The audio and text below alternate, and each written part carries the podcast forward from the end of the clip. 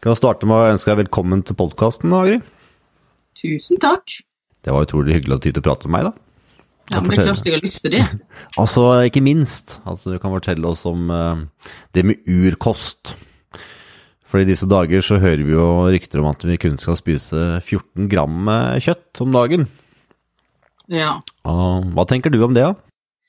Nei, hvis jeg hadde blitt pålagt det eh, fra noen som sa at sånn må, måtte det bli, så måtte jeg da vært veldig bevisst og tenkt meg eh, nøye om på hvilken måte jeg kunne komplementere det begrensa eh, inntaket med andre proteinkilder for å gjøre det så rikt som mulig.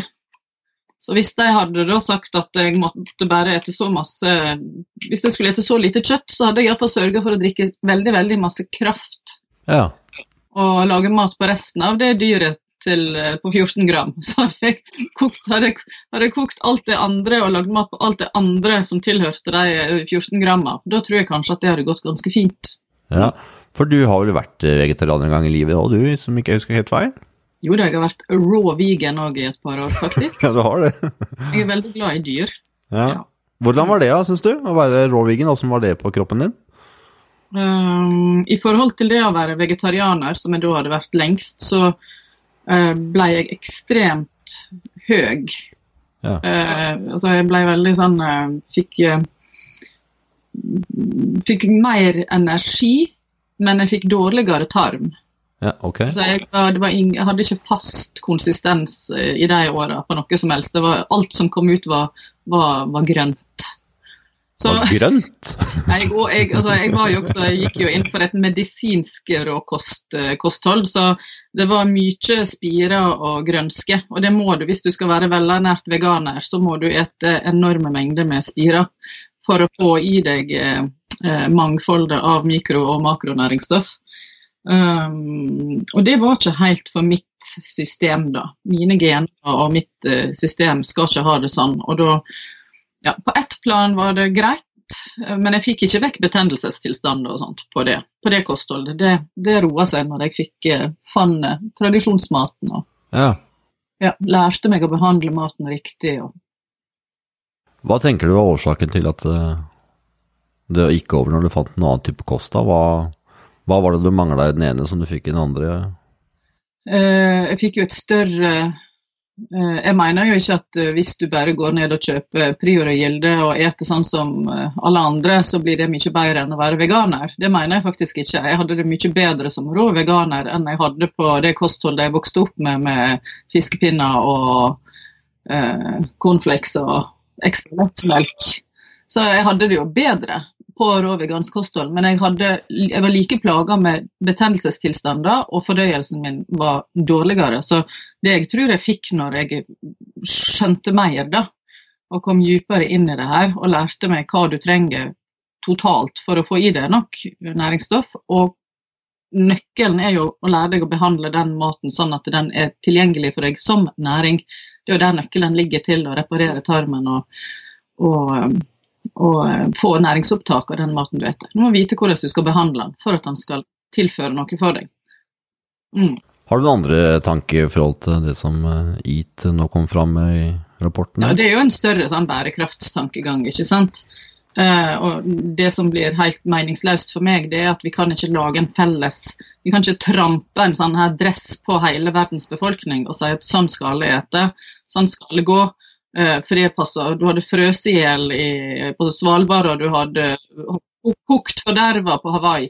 Sånn at eh, hvis du skulle gå med samme dressen. Og det blir det samme med maten, at du må på en måte forholde deg til der du er og der du bor, og så må du eh, ernære deg på det som er naturlig å ernære deg på der du hører hjemme.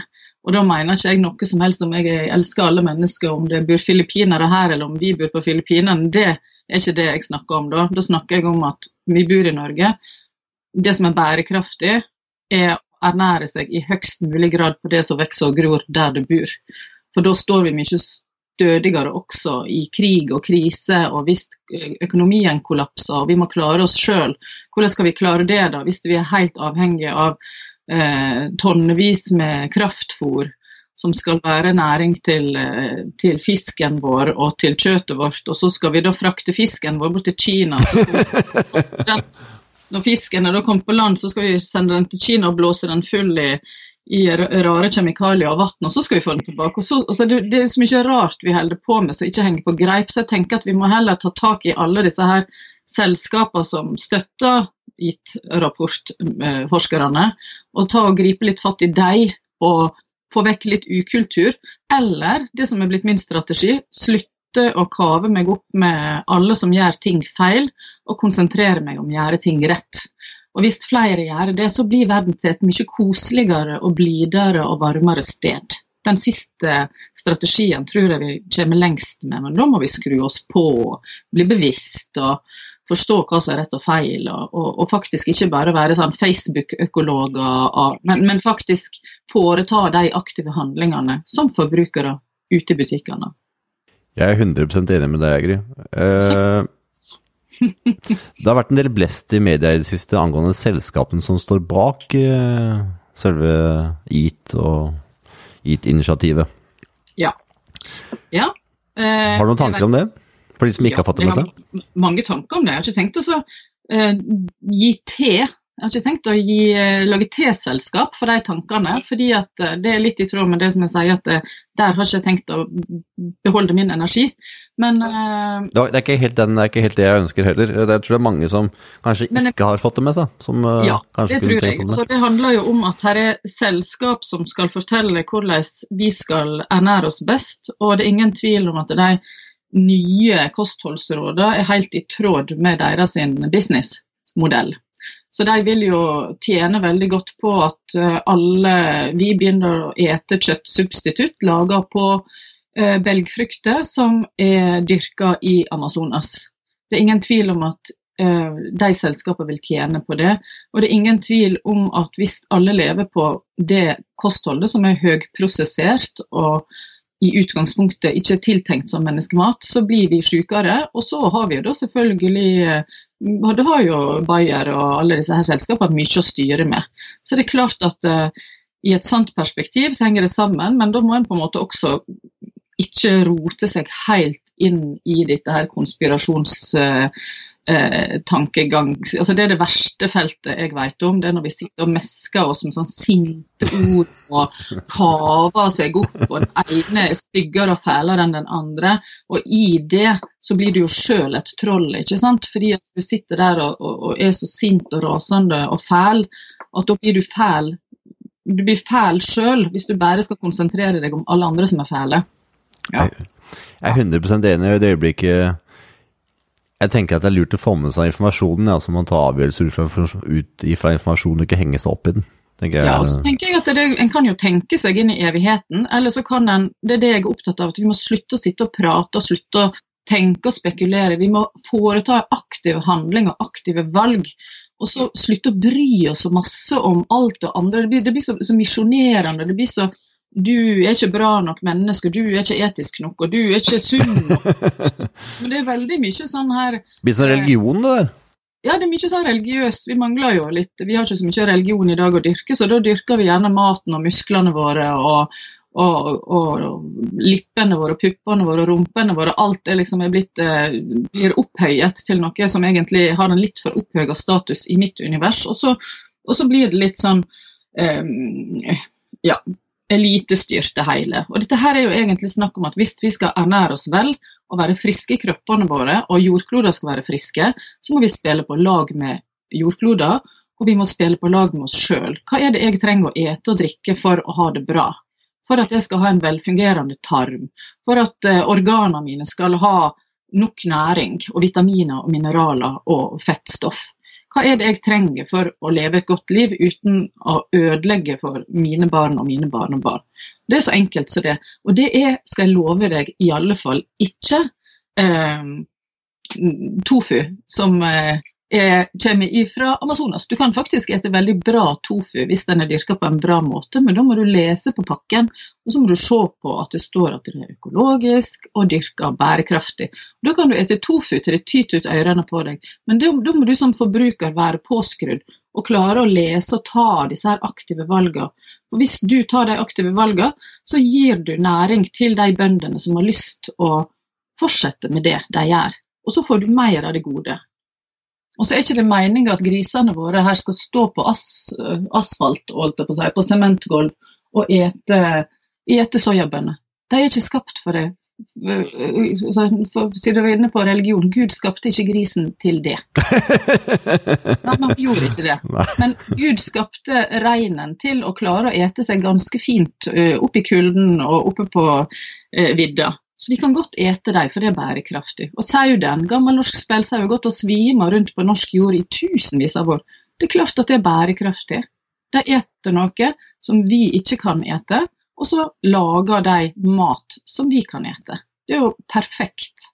Og ikke minst så har det noe med smaken. Eh, sånn til jul så kjøpte jeg lokal eh, gris fra Fyresdal, mm. som hadde gått, eh, gått vilt. og alle sammen som satt rundt det middagsbordet, de hadde aldri smakt en så god ribbe noen gang. Og det har noe med den der smaken på ting som er eh, godt fritt og er lokalt, og det er mer smak, syns jeg. Ja, jeg jobba med en tysk fotograf en gang på den første boka mi. Og han sa at eh, omtrent 30% av alt svinekjøttet som ble produsert der, ble dumpa etter slakt, fordi det var så fullt av stresshormon og syre at, eh, at det, var ikke, det var ikke etende smaksmessig. Um, så det er den der volumtankegangen som jeg syns er litt sånn forskrekkelig. Da. Og det er jo den volumtankegangen blir jo fremdeles dyrka i den IT-rapporten, bare at nå skal vi uh, lage store volum av den plantenæringa. Og når vi ikke har gjødsel fra husdyra våre og må holde fast i kunstgjødsel, så er vi også over i et forferdelig felt, for vi har ikke nok, eh, eh, nok av de substansene og ingrediensene som skal være i kunstgjødsel. Vi holder på å tømme de gruvene. Så blir det tomt. Hva gjør vi da? Vi, driver, vi, driver, altså, vi, vi klarer ikke helt å se det hele bildet. Og det er det min kommentar til IT-rapporten handler om. Du må være litt kloke. Du kan ikke bare være intelligent og bli sånn ekspert på et lite sånn knappenålshaug. Du må se det store bildet, ellers blir det bare tull. Når jeg hørte at det var 3 matjord i Norge, da ble jeg litt skremt. For jeg tenker at uh, vi har ikke noen sånn store strategier for hva vi egentlig bruker matjorda til. Og så ja, tenker jeg 3 det er ikke så mye. Nei, men tenk hvor masse natur vi har som vi kan ha husdyr på. Ja, absolutt. absolutt. Ikke sant? Og bare det, det er jo hele forklaringa på hvorfor jeg mener at det er bærekraftig å ete sau og ku og, og, og reinsdyr i Norge. Det er jo nettopp derfor. Fordi vi har ikke så mye å dyrke. Altså, jeg kommer jo fra Vestlandet med, med sånne her krumbøyde vestlendinger som har gått opp med stuttorv og langorv og prøvd å skare til seg det lille en har av vegetasjon. Ja. Uh, for å ernære nettopp denne sauen, som da stort sett gikk, og, gikk på beite, naturbeite. Og Det er jo det som er meninga. Det er ikke meninga at, at, vi i vestlandsbygd skal ha store sletter med, med verken korn eller det er, ikke, det er, ikke, bærekraftig, det er bare tull. Men det sa jo til, det skal jo eh, Stordalen ha, at hun eh, Det har jo hun også presisert nettopp det at den IT-rapporten klarer faktisk ikke å favne absolutt alt. Og jeg mener også at hun sjøl sa at på noen steder i Norge så er det mer bærekraftig å dyrke kjøtt enn korn. Så det blir jo jeg glad for å høre, da, at ikke det er et sånt svart-hvitt univers. For det, det, tror jeg ikke på, verken her eller der.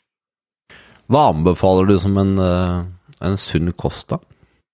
En variasjon av næringsstoff. Det er det kanskje det eneste jeg er enig med Statens kostholdsråd på. Det er faktisk viktig, eh, med mindre du har tilgang på ekstremt eh, Altså at du har tilgang på matemner som har en veldig stor variasjon av næringsstoff i seg, som f.eks. lever, som har både fett og, og, protein og massevis av fettløselige vitaminer og mineraler. Det blir veldig sånn komplett matemne.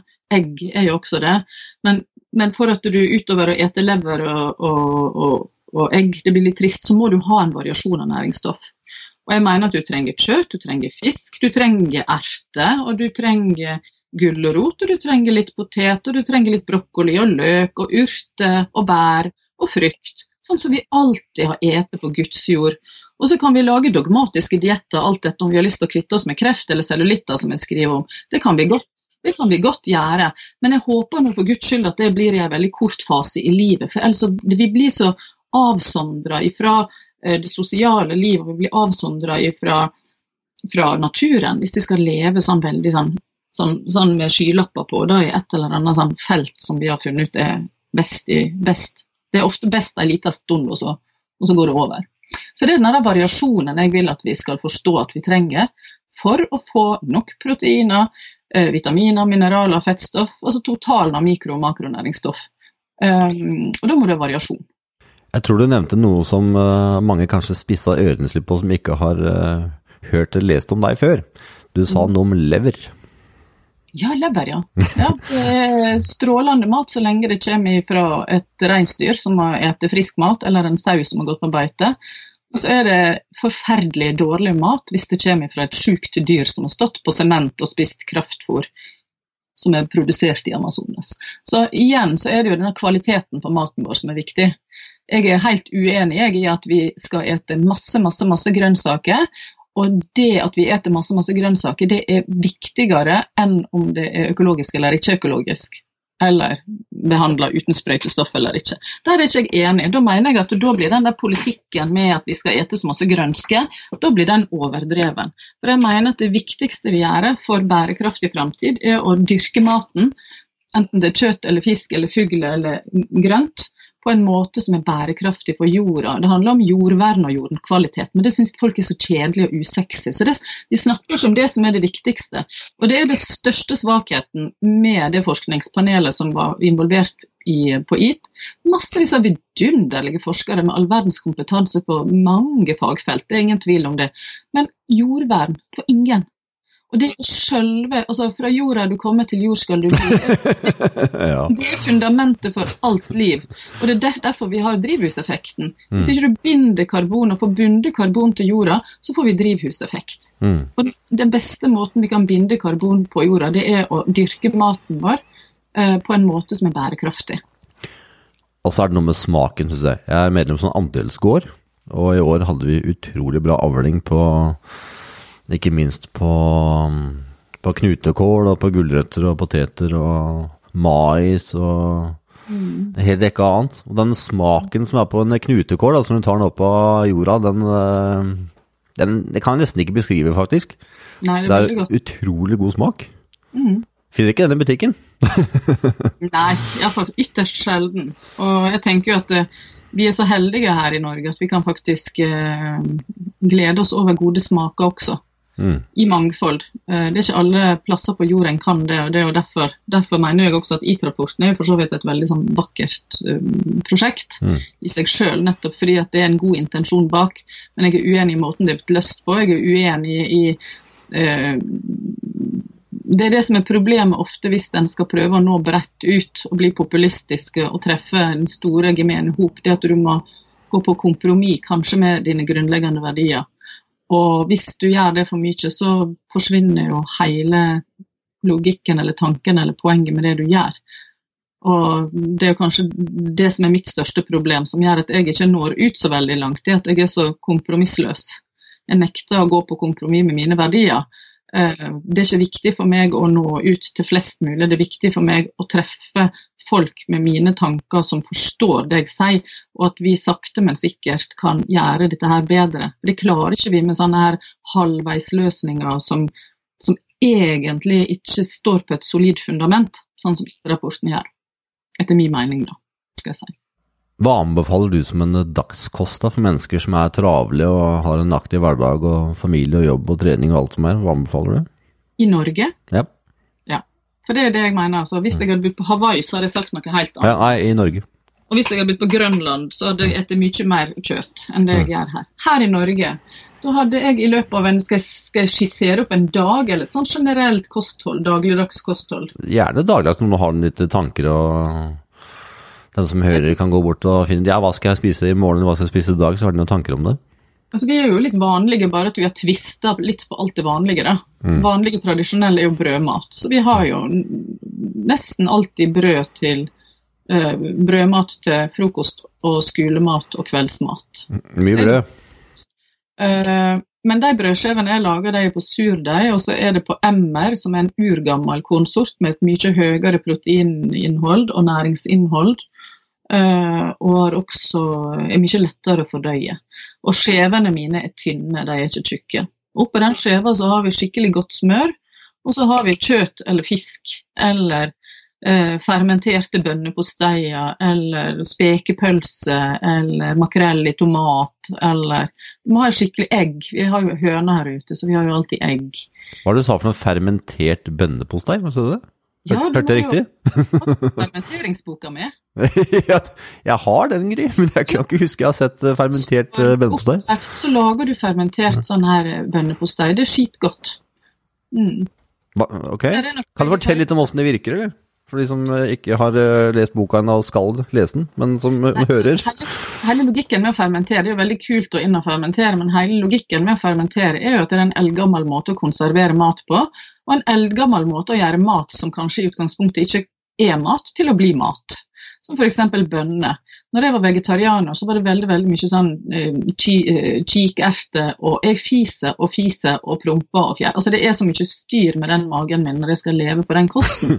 Så hadde jeg kunnet det jeg vet i dag, da så hadde det gått mye bedre. For hvis jeg bløtlegger kikertene i et døgn, og fermenterer dem i et ekstra døgn eller to, koker dem i kjempelenge istedenfor å trykkoke, så langtidskoker jeg dem.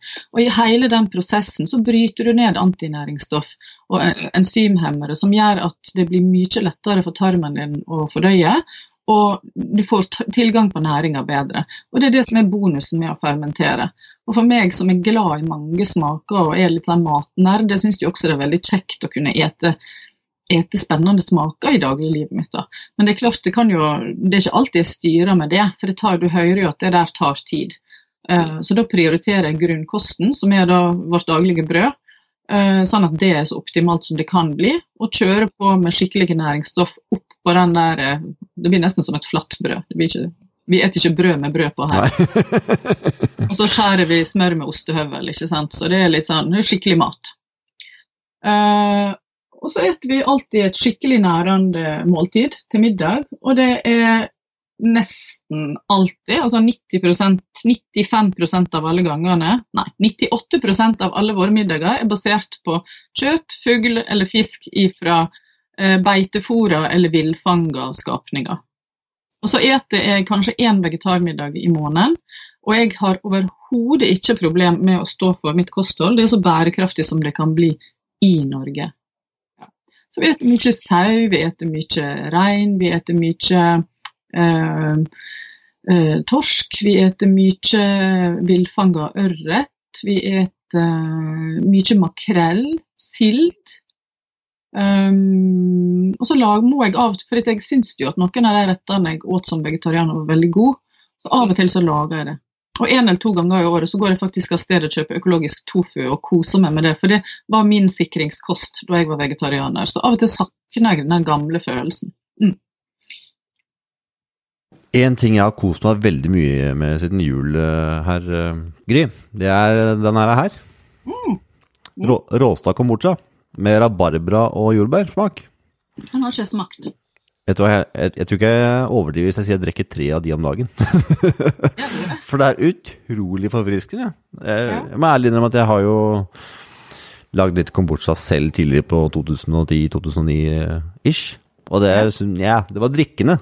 Men når jeg fikk en ordentlig laga kombucha, da bare Å, oh, fytti katta, det var godt! det er utrolig deilig med kombucha hvis du finner noe med god smak. Ja, jeg tror faktisk Råstad fikk gjest, det er gjesteblogger på min blogg om den kombuchaen. Ja. Har du smakt min, da? Har du en egen kombucha, Gry? Ja. Nei, jeg visste ikke det. Vet du ikke det? Nei, jeg visste ikke det. Har du det? Selgeren vår på Ur, der får du kjøpt den oh, ja. på tapp, vet du. Å ja vel? Mm. Så hvis du har med egne flasker, det er jo bærekraftig og gjenbruk, så hvis du har med egne flasker, så kan du tanke opp der. Oh, ja? Kan du velge mellom ros eller hylleblomst eller naturlig. Hvor er den, da? Ja. Og vet du hva Pepper sa i DN Smak? Hæ? At det var den beste kombuchaen han hadde smakt noen gang. Nei. Men hvor, det vi kan, eh, hvor kan vi gjøre dette? Eh, på Ur kreft og kolonial, Helgesens gate 16. Der er jo Norges første kreftbar. Å ja? Mhm. Åssen har det gått meg hus forbi, da? Ja, det var veldig overraskende. Ja. Det er jo tidenes sted. Ja. Nå har jeg skrevet opp. Ja, kraft på tapp. Eh, kraft og urgryte, som er signaturretten vår, er jo verdens beste gryte. Den er på, eh, I forhold til det temaet vi snakker om her i dag, Ja. eh, det er på beitefôret Angus. Oh, ja? som er på østsida av Oslo. De har gått der og kost seg og bundet karbon til jorda og vært med på reversert klimaproblemer. Og så lager vi kraft på dem, og så lager vi urgryte på dem, og så serverer vi det til sånne som deg. Og jeg Når sulten. ja. For de som ikke har hørt om kombucha før, eh, hva er kombucha da? Og hva er grunnen til at det er sunt å drikke? Kombucha er på lik linje med mye av det andre fermenterte, en eldgammel, eh, tradisjonell kinesisk drikk, hevder de fleste. At, den havner ifra, at den, eh, det er der den stammer ifra. Og så har den også lange lange tradisjoner fra Russland og østeuropeiske land. Og så har vi da i vår tid eh, funnet ut at dette er både godt og kult og, å gjøre godt, så det er blitt en veldig sånn hypa hypa sak, men som jeg mener har mye for seg. Så der er, når jeg begynte å nerde meg inn i kostholdets univers, så var det én eneste mann i en sidegate i Bogstadveien som brygga kombucha, og alle kjøpte fra han, og det var så mystisk at det var jo nesten som eh, Holdt jeg på å si, hva, hva, hva jeg kan sammenligne det med? Jeg veit ikke. Noe sånn skikkelig, nesten litt sånn skummelt og farlig. Ja. Veldig hemmelig. Eh, og Det i dag er det mange, mange, mange bryggeri, og til og med jeg har jo kasta meg på det jeg som hadde tenkt at jeg ikke skulle gjøre det. Har jo kasta meg på det også, og har mitt eget produkt som kombucha. Så bra. Ja. Hva er, du sa noe Det er en symbiotisk masse av bakterier og gjærsopper som i sum bidrar til organiske syre som booster fordøyelsessaftene dine og hjelper deg å fordøye protein bedre, og kan gi deg et tilfang av eh, melkesyrebakterier som kanskje du trenger, det er ikke sikkert, men det kan hende du trenger dem. Og ikke minst så gir det deg masse B-vitaminer, og mineraler fra den råvaren de velger å lage det, brygge det på. Så det er ikke så dumt. Det er i hvert fall utrolig god inntil tung kjøttmiddag. Da syns jeg den er veldig god, spesielt sånn som inntil ribbe og sånn. Da var den veldig god. så den er godt inntil mat. I forhold til det med, du sa litt i stad, i forhold til fermentering, så kan det også være litt fremmed for mange. Hun sa noe i stad om at det var en bra konserveringsmetode, men hva er grunnen til at fermentering er sunt, da? Hva, hvorfor burde vi, burde vi spise det? Det er, det er nettopp det som er essensen i det jeg prøver å få fram. At når du først har fått tak i en bærekraftig matvare, enten det er en gulrot eller en sau, så må du vite hvordan du skal behandle den råvaren for at den skal være best mulig for deg. Og sauen er best hvis du langtidskoker han, da er den lettest fordøyelig for deg. Ja. Eh, at, du, at ikke du freser han på høy varme i tre sekunder på hver side, det er ikke det beste. Så det beste er at du enten koker den lenge, eller at du fermenterer sauen ved å lage fenalår. Oh, Så ja. fenalår det er fermentert, salta og tørka fermentert melkesyregjæra kjøtt. Det samme er en spekeskinke. Så når du spiser en parmaskinke, så spiser du noe fermentert.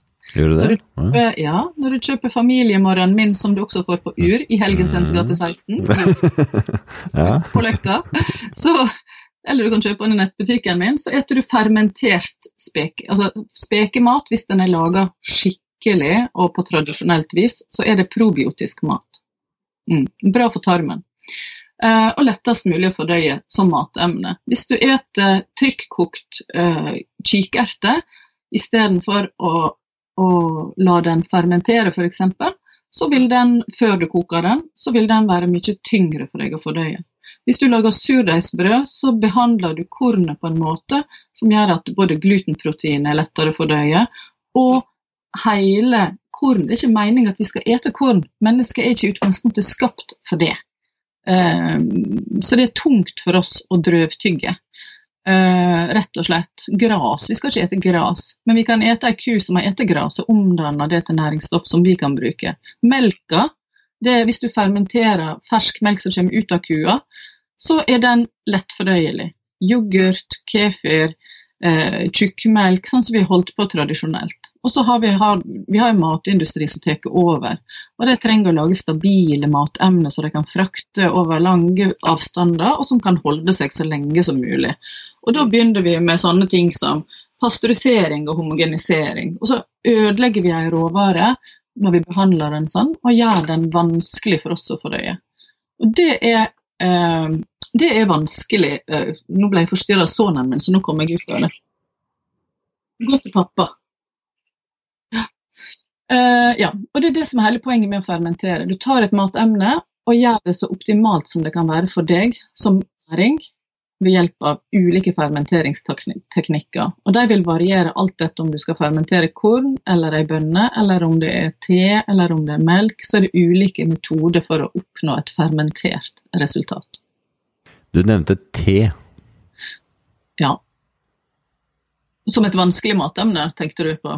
Jeg tenkte Du sa noe med fermentering og te, så lurte jeg på hva Kombucha? Å, oh, ja. Ja, ja. Det er det du drikker. Ja. Nå vet ikke jeg Hvis du leser på Ja. ingrediensene, jeg Jeg klar, jeg er klar over den. Jeg begynte å lure på om det er sånn at det burde alltid fermentere teen. Det var litt der jeg, Ja, ikke sant. Jeg skjønner. jeg skjønner. var litt der jeg stussa. Eh, Nei, det bør du absolutt ikke alltid ikke gjøre. Nei. Nei. Men mange reagerer f.eks. på Jeg er jo sånn her pingle, som er sånn høy, ikke, Kalles det ikke høysensitiv i dag? Jo. På pent? Jo. Jeg er, jeg er egentlig sånn, skjønner du, selv om Ja. ikke det virker det. Så, så må jeg passe veldig godt på. og Jeg tåler ikke, jeg tåler ikke like masse som det, det mange andre gjør. Så jeg kan f.eks. ikke drikke grønn te eller svart te etter klokka seks på kvelden uten at det går utover nattesøvnen min. Da må jeg sitte og kose meg med urtete og sånn. Ja. Samme her. Men, du også, ja, men da er jo du da kan vi sitte her og være høysensitive. Ja ja, det er helt perfekt. Så uh, Får ikke sove seg hele natta der hvis det er klokka fem, det var helt sikkert. Ah, ja. Men hvis du drikker kombucha, ikke sant? Det har ikke jeg noe problem med å drikke på kveldstid. Og selv om det er på en base av svart og eller grønn te, Mm. så med en gang det er fermentert, så bryter du jo ned og nøytraliserer f.eks. koffein eller tein, eller hva man nå velger. Gjør du det det? Ja, det stimulerende stoffet blir nøytralisert. Oh, ja. Og det er derfor jeg kan drikke kombucha på kvelden. Jeg har til og med laga sånn kombucha-kaffe. Da tar du scobien hvis du har overskuddscobia etter brygging, Mm. og fermenterer mm, kaffe. Oh, ja. Det er helt spennende smak. Den nå kan jeg drikke på kvelden uten at det går utover nattesøvnen. Og det er jo helt utopisk med en, og meg å drikke en kopp kaffe på kvelden. Jeg lærer så utrolig mye når jeg prater med deg. Så fint. Som et ganske snevert felt i livet, da.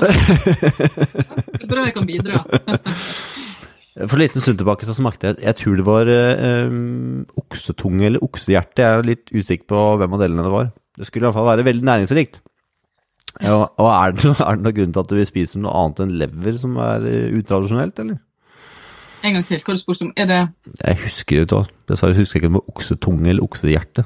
Så spørsmålet, spørsmålet jeg lurer på egentlig, er det noe mer av denne innmaten i dyret vi burde spise utenom det vi Ja. pleier å gjøre? Ja, det er det. Altså Levra tilbyr jo komprimert næring av f.eks. B12 og jern spesielt. ikke sant? Hvis du spiser et hjerte, så får du jo et stort tilfang av eh, altså Det er ekstremt proteinrikt. Du får Q10, som er bra for ditt Er det, er det hjertet? Er det det? Ja, ja, ja, det er sånn skikkelig konsentrert mengde av Q10. Taurin, som er bra. Det, det er jo egentlig veldig bra for din egen hjertehelse å ete det. Um, hjerte for hjerte, litt sånn kinesisk medisinsk tenkning. Det liker jeg også å tenke. Vi styrker Børge, kan hete Børge, ikke Fagerli, men uh, Ausland. Kjenner på Ja, Børge Ausland, ja. han sverger jo, til, uh, sverger jo til hjertet det med på tørka, speka, Ja. fermentert faktisk Mm. hjerte. Det er godt, det. Det er veldig godt. Og hadde det med, for det er det mest komprimerte han tar med seg på tur av næring. Det er det han får mest igjen for. Og det kan man jo tenke, da, hvis en har en skikkelig ubalanse i kroppen, eh, sliter med utmattelsessyndrom, eller så hva er det du trenger? Jo, du trenger mest sannsynlig i alle fall komprimert næring. Å gå der istedenfor å ete tofu, det Mm. tror jeg. Det er iallfall det som har bygd meg opp mest. Du kan jo si at ifra jeg gikk ifra et sånn pinglete raw vegan og så Jeg var sånn høgsensitiv, jeg kunne ikke høre høye lyder. Eh, når det kjørte en bil imot meg, når det var litt mørkt, og så øynene tårer altså, Skikkelig låg og var syk stadig vekk. Så jeg er jo mye, mye mer robust i dag enn jeg har vært noen gang. Jeg er jo fremdeles pinglete og må ta hensyn og forholde meg til at jeg er, jeg er den jeg er. Men jeg tåler så utrolig mye mer i dag enn jeg gjorde før. Jeg vet ikke om jeg liker ordet pingle, Gry, for jeg syns du er en veldig drevet dame som får til veldig mye. da, så Kan vi bruke et annet ord enn pingle, eller? Når jeg ser tilbake på min ungdomstid, så lå jeg stort sett på en sofa, skjønner du. Gjorde du det? Ja, ja, ja. ja, ja.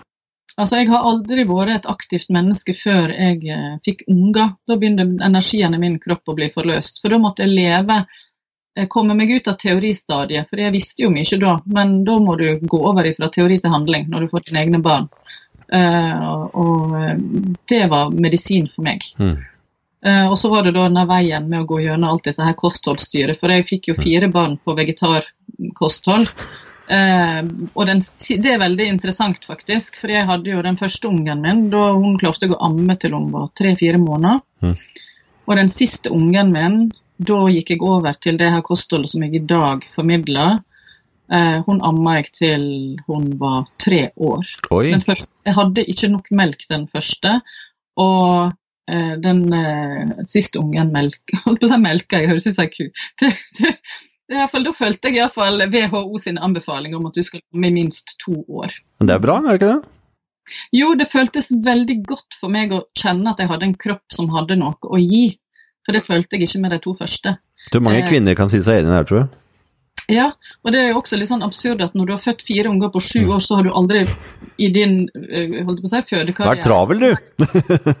Men at jeg hadde, at jeg hadde mest energi på siste, det sier noe om hvor viktig maten du har er. Sant?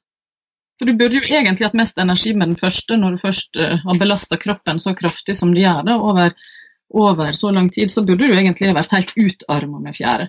Så jeg veit at det her gjør oss godt, men du skal bare, det skal ikke være denne her eh, Jeg eter eple og plomme og druer og bananer, skjønner du.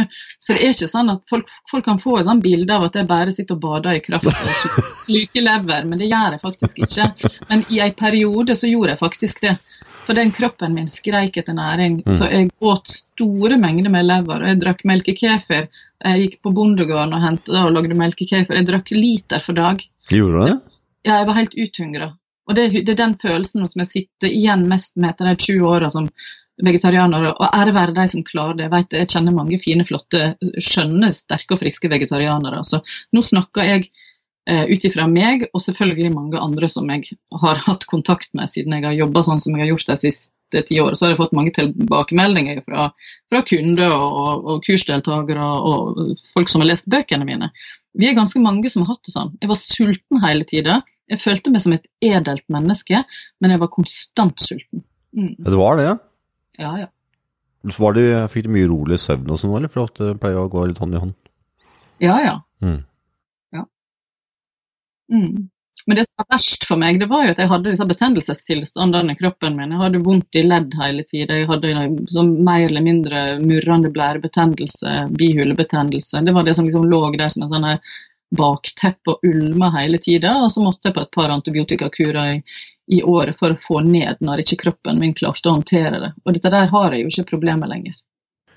Tilfører du noe ekstra kollagen, eller får du det inn via innmat? I perioder. Eh, i, I vinter så har jeg hatt det ganske tøft på privaten, fordi sønnen min med hjertefeil har vært ganske dårlig. Eh, så det har vært veldig krevende tid, og jeg ser at når jeg da får dette der dradde uttrykket, så, så velger jeg å eh, tanke meg opp på nettopp komprimert næring. Og da går det mye i at jeg ja, øker dosene med lever, eh, eh, kollagen, altså jeg tilfører berika kollagen. Så nå har jeg hatt sånn dilla på gullmelk, så jeg har vel drukket en sånn tre spiseskjeer for dag med kollagen, tror jeg. Dilla på Mm. hva, sa du? Golden milk, gullmelk. Hva hva er det? Du, det er, eh, det er en gammel eh, indisk drikk, egentlig. Okay. Men det som du skal ha som fundament, da, bortsett det er melk. Jeg bruker jo ikke melk på den måten, for det tåler ikke jeg når varmebehandler den. Så da bruker jeg en plantemelk, havremelk eller mandelmelk. Og så koker jeg opp den i lag med stor teskje med gurkemeie, pepper. Eh, så bruker jeg MCT-olje, og så har jeg oppi en stor spiseskje med kollagen. Og så nå har jeg da dilla på, på um, ingefær, kanel og kardemomme i form av eteriske olje. Og så visper jeg alt dette sammen under oppvarming, så det blir sånn skummet eh, kaffe, kaffe, cappuccino-lignende drikk. Som er veldig sånn styrkende, og jeg kjenner at det nærer meg vel. da. Så dette har jeg litt dilla på. Ja, så har jeg oppskrift i kraftboka mi, mener jeg. På det. bloggen min. Der finner du også gullmelk. Bare gå inn på Skal legge linken eh, i shownotatene, Ingrid. Mm. Jeg skal legge linken i shownotatene. Ja. Jeg må spørre deg om en ting. Du sa noe om jeg tar opp eteriske oljer, og da for meg som ikke er så veldig inn i det her, hva er grunnen til at du bruker eteriske oljer kontra krydder?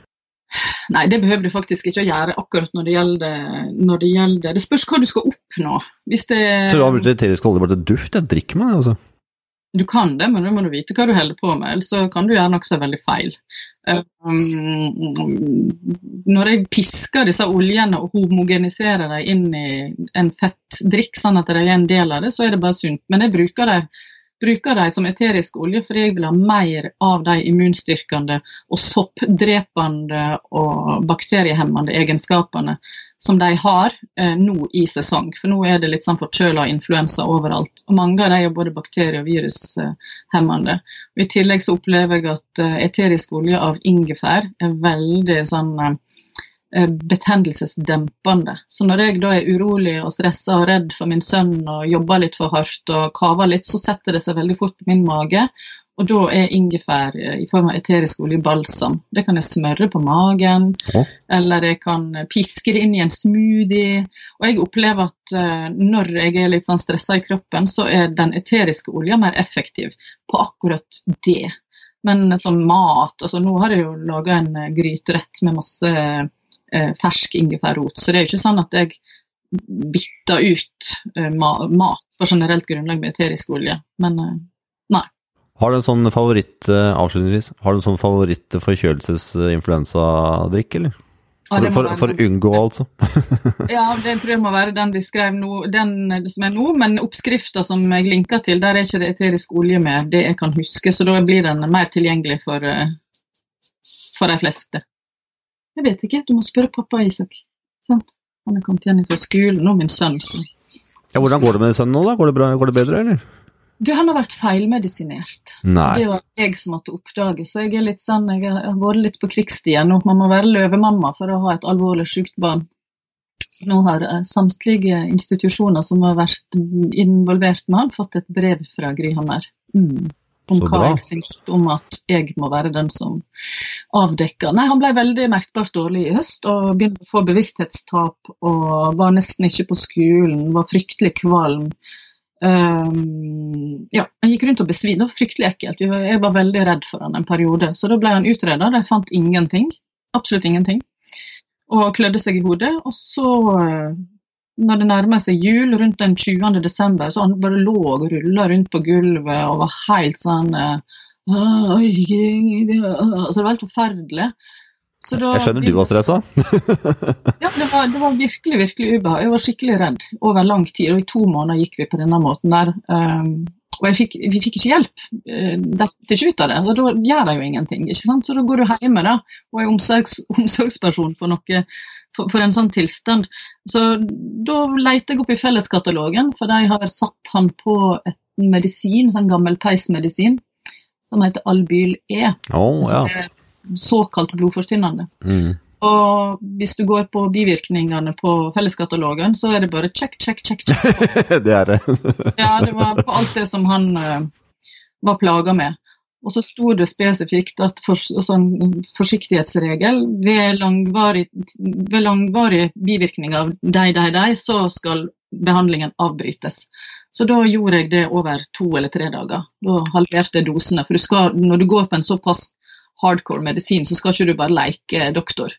Men jeg leka, måtte leke doktor. Så da tok jeg han av det, og på tre dager så fikk jeg sønnen min tilbake. Det var faktisk eh, Så bra! sterkt. Vi er, vi er ikke medlem av statskirka, verken jeg eller min mann, men sønnen min sa på julega, ju, julaften at han hadde fått Han takka Gud for at han hadde fått livet sitt tilbake. Wow. Så ja. Hva er beste, beste julegava som ville få deg, Gry? Ja, faktisk. faktisk. Det var, han åt som en hest i jula. Jeg tror han har lagt på seg eh, to kilo hver det. Så det er jo utrolig kjekt å se at, det, at han har det bedre. da. Så bra! Hviler man med hjertet. Det var godt å høre. Det er også gullmelk verdt eh, fint å styrke seg på. Og dobbel dose app i reinlever. Hvor finner man bøkene dine, og hvor finner man kursene dine, og hvor finner man deg da, Gry Hammer? Ja um, Du finner meg på gryhammer.no, som er samlesida for alt jeg gjør. Eh, der finner du bloggen min, alle bøkene mine, online-kurser. Men bøkene mine kan du jo google, så finner du Det bør du jo gjøre, fordi eh, jeg må jo på en måte tjene penger på det jeg gjør. Så jeg tar jo sånn normal eh, markedspris på bøkene, og så signerer jeg dem fra min nettside, men du får jo dem Jeg så fermentering gikk for 390 kroner på én nettbutikk, og så fant jeg den samme boka til 129 kroner på en annen butikk. Så da er det bare å google litt, da, sammenligne priser, og så går du for det som frister deg mest. Og hvis du skal støtte forfatteren, så må du støtte kjøpe fra grihammer.no. Der Ja. finner du startkulturen, spekepølsene mine og bøkene mine og meg tjohei og bloggen min. og- Og så er det noe med signerte bøker, syns jeg, Gry. Jeg liker den der personlige vrien på det. Ja. Og så er jeg på. Facebook. Og så har jeg en gratis ressursside på Facebook som er veldig populær. Så det kan jo være en fint for, for lytterne. Den heter Hvis du finner meg på Facebook, så finner du meg som Gry Hammer offentlig person. Det er der jeg deler sånn IT-rapporter, litt mer sånn seriøse eh, Du som forbruker skal vite det her. Litt mer sånn. Mm. Selvfølgelig mer. Så har du ei interessegruppe for sånne særinger som er opptatt av fermentering og kraft. Da søker du opp fermentering og kraft med Gry Hammer, og så ber du om å bli medlem. Og så velger jeg hvem som skal være medlem. Og jeg vil at 99,9% av eh, de personene mm, som finnes i verden skal være der, men det er et par nettroll som jeg ikke vil ha, så da, derfor så er det sånn at du må be om å bli medlem. Men du kommer helt sikkert med. Ja, med stor sannsynlighet. Med størst sannsynlighet. Og så er jeg på Instagram. Der syns jeg faktisk det morsomste å være, så du finner ganske mye på denne eh, My Storyen der. Jeg deler noe nesten hver dag, altså. Gjør du det? Ja, for det syns jeg er så kjekt. Det er så fort gjort. Det er liksom ikke så masse styr å dele et bilde eller en liten snutt eller hønene mine eller sant? Da får du litt mer, hvis du syns det er veldig kjekt å følge med på dagliglivet, så får du litt mer av det der. Mm. Tusen takk for samtalen, Gry. Og jeg, igjen, jeg har prata med deg før, det er en annen podkast, og igjen så lærte jeg veldig mye av deg, så Det bra. tusen takk. Og så må du ha en utrolig fin helg. Takk sjøl. Og så skal jeg i alle fall gå og se fermenteringsboka en gang til, for det var tydelig at jeg hadde glemt en del fra den. så, der, så der må jeg gå så med mim- mimre litt, Gry. Ha en fin helg. Og tusen takk. Ha det bra. Ha det.